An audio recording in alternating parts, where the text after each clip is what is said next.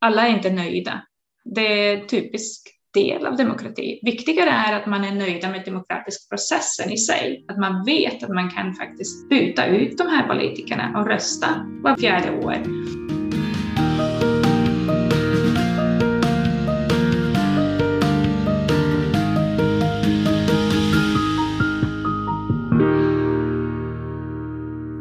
Är du en av dem som någon gång läst eller hört om ett politiskt beslut, skakat på huvudet och sagt hur har de tänkt här? Fattar de inte att... och så vidare. Jo, för vi gör ju det lite till mans. Undrar hur de som bestämmer egentligen har tänkt. Om de ens har tänkt. Här i Halmstad har det den senaste tiden blåst ganska mycket när det gäller olika typer av beslut och planerade förändringar. Det har handlat om hotellbyggen, rivning av Kulturhuset i Folkparken, bostäder i Eketångaskogen, parkeringar i stan, bro eller tunnel för att passera Nissan, bostäder på åkermark, med mera, med mera. En del av besluten har rivits upp, andra har fullföljts till mångas förtret och ytterligare några är ännu inte avgjorda. Men gemensamt för dem alla är att de i något skede har anklagats för att vara förslag som inte ligger i linje med vad folket i stan vill. Och därför så vill jag som heter Linda Thulin och Halmstad kommun, som jag gör den här podden på uppdrag av, att det sista temat av Halmstad växer ska handla om folkets röst. Vad vill Halmstadborna? Hur ska politikerna kunna veta vad de vill och vem av alla hundratusen invånare i den här stan ska de lyssna på? För att med behållning kunna lyssna på de olika personerna som jag har träffat för att prata om det här så ska du nu få en snabb grundkurs i lokal demokrati i praktiken kan man säga, med speciellt fokus på rollen för oss medborgare. Jag ringde upp statsvetaren Katrin Uba på Uppsala universitet. Hon forskar speciellt om olika folkliga rörelser som till exempel protestgrupper och fackföreningar. Och när jag frågar henne vilket som är folkets roll i den representativa demokrati som vi har här i Sverige, då säger hon att folkets roll är framförallt att vi vart fjärde år röstar fram de representanter som ska styra landet, regionerna och kommunerna, alltså våra parlament. Medborgarna naturligtvis eh, har ju eh, viktig roll i demokratiska staten att eh, rösta fram en parlament som ska eh, välja en regering. Så det är ju den viktigaste, att man eh, har möjlighet att välja vilken politik man vill ha. Men sen finns det en roll för oss även mellan valen, säger hon. Olika typer av icke-parlamentariska verksamheter där vi som medborgare kan göra vår röst hörd. På lokal nivå kan man eh, både hjälpa eh, regeringen, lokala regeringen då, kommunen, Eh, genom frivilliga aktiviteter, eh, men också då eh, få fram sina önskemål. Det är ju många gör också genom, inte så som att det är så många som skulle komma ut och demonstrera eller protestera, men genom just frivillig aktivitet, och medlemskap i facket, olika civilsamhällesorganisationer. Det är det som man faktiskt gör också. Och det är ju också genom de här olika typerna av engagemang från medborgarna som politikerna får en bild av hur folkviljan ser ut. Genom medlemskap i föreningar, i facket, i partier och i andra typer av organisationer till exempel då partimedlemskapet har ju definitivt minskat, det vet vi eh, säkert. Eh, medlemskap i olika organisationer, det varierar lite och där kan vi se att det är unga människor kanske är mindre medlemmar just i organisationerna. Men de är ju ändå kanske aktiva i olika sociala rörelser som inte räknar medlemmar. Så därför vet vi inte exakt att de är medlemmar just så. Men eh, just de här typiska organisationer som till exempel facket har ju minskat medlemskap över år. Men det betyder inte direkt att eh, medborgarnas eh, aktivitet i sig har minskat. Att partierna tappar medlemmar, det har annars varit ett ämne för diskussion eftersom man menar att det påverkar politikernas möjlighet att veta vad folk egentligen vill. Men just den utvecklingen behöver inte vara ett hot mot demokratin, säger Katrin Uba.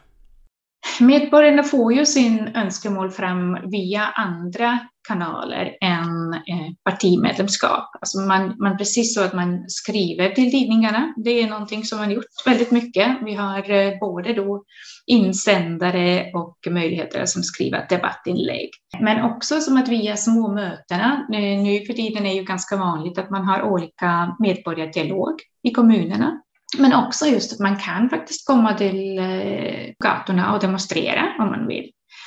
Eh, då är ju inte naturligtvis så att politikerna tycker om det jättemycket om man kommer till gatorna kanske. Eh, det är mer omtyckt om man skriver insändare eller kanske diskuterar någonting via vanlig media eller via social media. Just när det gäller sociala medier så har ju den utvecklingen förändrat möjligheterna för medborgare att göra sin röst hörd väldigt mycket. Och även om sociala medier ofta anklagas för att ha polariserat debatten så menar Katarina Uba att de också har gjort det möjligt för bredare grupper att engagera sig. Olika medborgare som kanske har inte resurser att både kunskap och resurser att skriva en lång debattinlägg. Man kan faktiskt just nu skicka in sina både videos, små korta videos i Youtube eller skicka in Twitterinlägg. Eh, och så hoppas att någon läser det, alltså politikerna får fram det. Så att man kan påverka offentlig opinion ganska mycket i olika sätt. Problemet är ju att det också gjort att det finns eh, information, för mycket information. Mm. Eh, så att det är svårare att synas. Så att det, man måste kanske göra något väldigt innovativt, att någon märker Ibland säger man att man kanske måste vara lite mer radikal i sina argument. Men generellt sett skulle jag säga att ja, det är enklare idag. Man behöver kanske inte även kunna skriva om man vill göra en video. En invändning som man kan ha mot folkliga protester det är att det finns en risk att det blir de som skriker högst som får sin vilja igenom.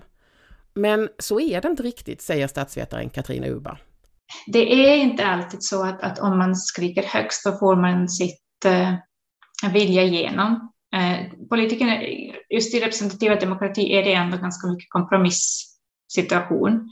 Eh, och eh, det är mycket beror på allmän eh, opinion.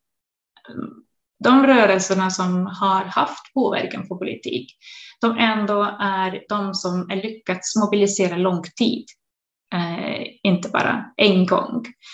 Eh, och de har eh, stora siffror bakom sig, om vi säger så, eh, både då på gatorna eller eh, stor medlemskap.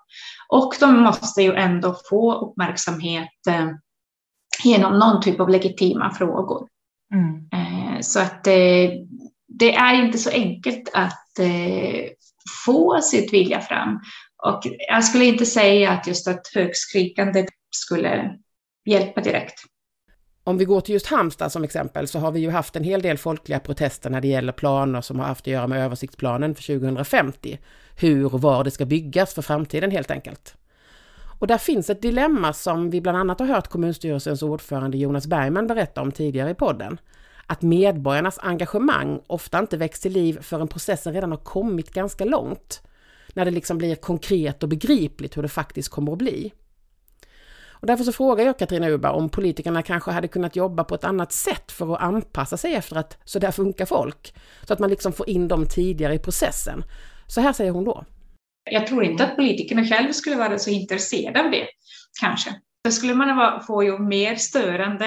Eh, alltså det, den är ju kompromissökande med hela planlösning och eh, eh, ibland är det behövs just de här kunskap, expertkunskap för att förbereda olika lösningar. Om de är bra eller dåliga, det kan jag inte veta.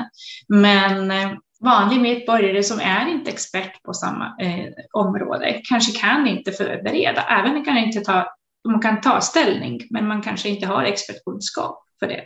Så därför är det ju svårt att få den typ av medborgardialog i eh, tidig fas den andra del som gör att medborgare blir aktiva är ju att någon bjuder dem till, alltså inbjuder att delta.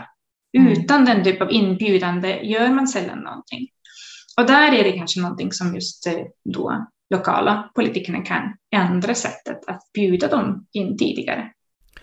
Sen ska man ju också vara realistisk när det gäller hur mycket medborgarna vill och orkar bry sig. Folk har liv som rullar på och kan inte engagera sig hur mycket som helst. Och möjligen så behöver politikerna ta lite mer hänsyn till det. Det har också visat i till exempel i Schweiz som har ju med eh, folkomröstningar jätteoftast att om man gör det för mycket då deltagande också minskar. Alltså man orkar inte delta så jättemycket. Så där kanske är någonting som man kan tänka efter och samla ihop de här ärendena och, och ha det just då. Inte jätteoftast, men, men eh, men också se, ha kanske lite mer respekt för medborgarnas tid också. Sen kan man ju också undra hur mycket politikerna egentligen bryr sig om vad vi som medborgare tycker. Vill de inte helst egentligen få göra som de vill? Katrin Oba säger att det man vet det är att politiker framförallt vill två saker. De vill genomföra sin politik och de vill bli omvalda. Och just på kommunal nivå så är det ju liksom lite svårt att då helt ignorera vad folk tycker, för då blir man inte riktigt omvald. Men ett annat problem är att det inte alltid går att göra som medborgarna tycker, inte ens när de är ganska överens. Det där visar forskning som Katrin Oba har gjort när det gäller skolnedläggningar. Där var det ju väldigt tydligt att eh, ibland var det väldigt svårt för politikerna att lyssna vad medborgarna medborgare hade att säga, just därför att man hade inte resurser. Alltså man kunde inte gå mot sin kommuns budget, alltså det fanns inte möjlighet. Och det fanns inga barn ibland. Alltså man kunde inte öppna, eh, hålla skolan eftersom det var inga barn att gå i skolan. Så där kunde man ju förstå delvis deras agerande. Samtidigt är det ju ändå alltid prioriteringsfråga. Så att ja, man kanske skulle ta från ett annat håll den här pengar eller då öka skatter eller gör man typ på politiskt beslut just att genomföra politik som medborgare kräver. Men den annan sak är ju alltid att, att eh, det finns en grupp medborgare som kräver någonting och man måste se hela kommunpopulation också. Och just därför har vi representativ demokrati som faktiskt ser det stora. När det sen gäller medborgare som protesterar så finns det ett problem i att vidden av de här protesterna och alternativen som medborgarna kanske kommer med inte alltid blir kända för en bredare grupp. Här säger Katrina Ubb att medierna har en viss roll, för de är inte alltid så bra på att beskriva komplexitet och nyanser, utan skriver mer om det som avviker och kanske det som väcker uppmärksamhet man frågar inte de aktivister heller som att, att vad är er alternativ eh, förslag? Så att man, man kanske ger inte tillräckligt plats heller för aktivisterna att förklara deras mål. Man har ibland bara i media som plats för liten protestbilder eh, eller som en kort intervju och det är allt. Och då syns det också så att de vill inget annat än bara säga nej. Till exempel just den här eh, forskning om skolnedläggningar, där såg jag ju att, att det var oftast föräldrar som kom med massa olika förslag egentligen, som, att, som ett alternativt sätt att hur vi skulle hantera frågan. Men det var väldigt sällan man såg detta i media, men det var just när man gick igenom olika brev som föräldrar skickade till kommun till exempel, då kunde man se det. Jag frågar också om det här med folkligt engagemang riskerar att gynna de som har mer resurser, bättre kunskaper och mer tid och så vidare. Och om det kan finnas något odemokratiskt i att det blir just de som kan protestera mot sånt de är missnöjda med. Katrina Uba säger att det förstås finns ett problem där, men samtidigt så är det ju ändå ett bevis på att det går att protestera mot politiska beslut. Möjlighet att mobilisera fungerar. Visst, alltså att den här att, att resursstarka mobiliserar mer, den, den är så. Eh, mm. och där är ju problemet att egentligen den är, det kan man inte kommunnivå ändra. Den är lite andra saker som man måste ändra från början. För den här att man måste ha i skolan möjlighet att man lär sig ut hur man gör detta och så. Men det, visst, så är det ju tyvärr att, att de som är ja, medelklass med resurser olika sätt, de brukar driva den typen av frågor. Till sist så påminner Katrin också om att det faktiskt inte går att göra alla nöjda, men att det också är lite så det ska vara i en demokrati. Alla är inte nöjda. Det är en typisk del av demokrati. Viktigare är att man är nöjda med demokratisk processen i sig, att man vet att man kan faktiskt byta ut de här politikerna och rösta var fjärde år.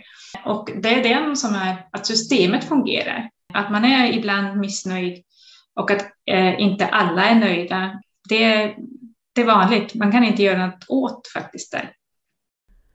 Katrin Uba, vår guide i denna snabbkurs kring folkets roll i en representativ demokrati. Hon är statsvetare vid Uppsala universitet. Nu rundar vi av det här avsnittet och lämnar väg för fyra spännande personer som ger sin syn på kopplingen mellan folkets vilja och politiska beslut. En aktivist, en insändarredaktör, en statsvetare och en politiker som alla har spännande saker att säga. Det är bara för dig att klicka fram nästa avsnitt. Halmstad växer görs på uppdrag av Halmstad kommun. Redaktörer är Karin Back och Lotta Edin. Jag som gör de här programmen, jag heter Linda Thulin och är frilansjournalist.